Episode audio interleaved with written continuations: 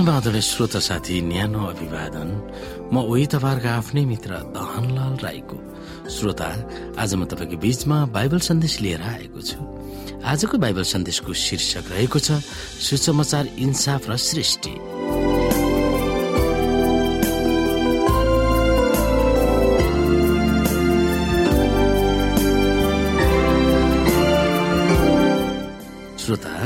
पहिलो स्वर्गदूतको सन्देश निहालेर हामी हेर्न सक्छौ। अनन्तको सुसमाचार इन्साफको घडी सृष्टिकर्ताको आराधना गर। ती तिनै अवधारणाहरू एक आपससँग कसरी कसिएका छन् सो कुरालाई हामी विचार गर्न सक्छौ अथवा हेर्न सक्छौ।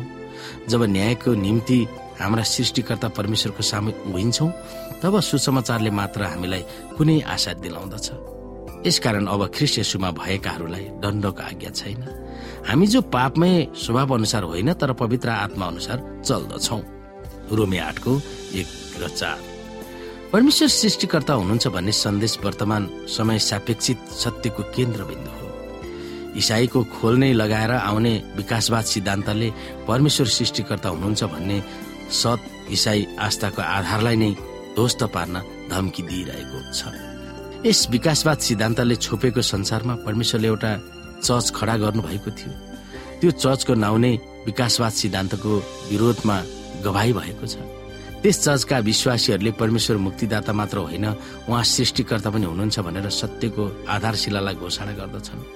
प्रवेश दुवै सृष्टिकर्ता र मुक्तिदाता हुनुहुन्छ भनेर हामी विभिन्न पदहरू हेर्न सक्छौ। हामीलाई कसरी ती पदहरूले सिकाउँछ? यहाँ हामी हेर्न सक्छौ एफिसीको पुस्तकलाई। सबै कुरा सिर्जन हुने परमेश्वरमा युगौं युगदेखि लुप्त रहेका रहस्यको योजना के हो? सो सबै मानिसहरूलाई खुलस्त गराउने अनुग्रह मलाई दियो। उहाँले हामीलाई अन्धकारको राज्यदेखि छुटाउनु भयो र आफ्ना प्रिय पुत्रको राज्यभित्र हामीलाई सार्नु भएको छ। उहाँमा हाम्रो उद्धार अर्थात् पापको क्षमा भएको छ। उहाँ अदृश्य परमेश्वरको प्रतिरूप सारा सृष्टिका ज्येष्ठ हुनुहुन्छ किनकि उहाँमा नै सबै थोक सृष्टि भएका थिए। स्वर्गमा र पृथ्वीमाथि भएका सबै अदृश्य दृश्य थोकहरू चाहे सिंहासनहरू चाहे प्रभुत्वहरू चाहे प्रधानताहरू चाहे अधिकारहरू सबै थोक उहाँद्वारा नै उहाँकै निम्ति सृजिएका हुन्। उहाँ नै सबै कुरा भन्दा अगाडि हुनुहुन्छ र उहाँमा नै सबै कुरा बाँधिएर रहेका छन्। कलसी अध्याय। हे हाम्रा प्रभु र परमेश्वर तपाईँ महिमा आदर र शक्ति ग्रहण गर्ने योग्यको हुनुहुन्छ। किनभने सबै कुरा तपाईँले नै सृष्टि गर्नुभएको हो र तपाईँकै इच्छा बमोजिम्ती अस्तित्वमा आएर तिनको सृष्टि भयो भनेर प्रकाशको पुस्तकमा हामी हेर्न सक्छौँ। र यदि एउटै मानिसको आराधनाले गर्दा त्यस मानिसद्वारा मृत्युले राज्य गर्यो भने त झन बढी प्रशस्त अनुग्रह र धार्मिकताका सिद्धिको वरदान पाउनेहरूले एउटै मानिस यसुद्वारा जीवनमा राज्य गर्नेछ यसैले जसरी एउटै मानिसको आराधनाले सबै मानिसहरू दण्डमा भागीदार बने त्यसरी नै एउटै मानिसको धार्मिकताको कामले सबै मानिसहरूको निम्ति धर्मी ठहराएर जीवन ल्याउँदछ। किनकि जसरी एउटै मानिसको अनाज्ञाकारिताले धेरैजना पापी बनाइए त्यसै गरी एकैजनाको आज्ञाकारिताद्वारा धेरैजना पनि धार्मिक बनाइनेछन् भनेर रुमीको पुस्तकमा लेखिएको छ। यसो सृष्टिकर्ता मात्र होइन मुक्तिदाता पनि हुनुहुन्छ भनेर हामीले अगाडि हेर्यौं यी पदहरू कसरी कसिएर राखेका छन् हामी सोच्न सक्छौ। जब उहाँ सृष्टिकर्ता हुनुहुन्छ भन्ने भूमिकालाई लत्याइने बित्तिकै जुन विकासवादले उहाँ हाम्रो सृष्टिकर्ता हुनुहुन्छ भन्ने प्रश्न पनि खडा हुन्छ।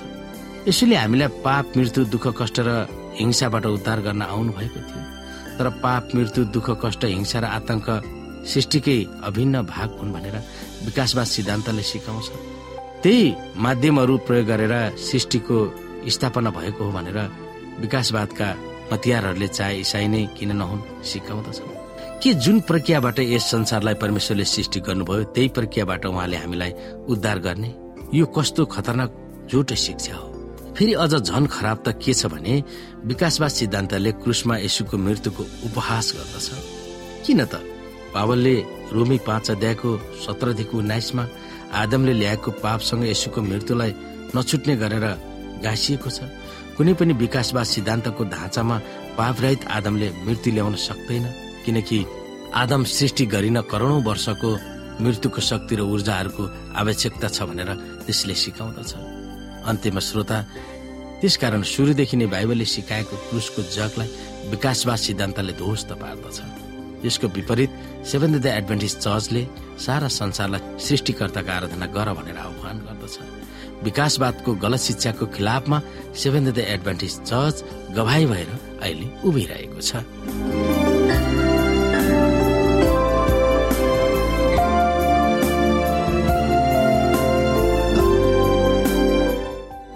श्रोता आजको लागि बाइबल सन्देश यति नै। हस्त नमस्ते। जय मसिंह।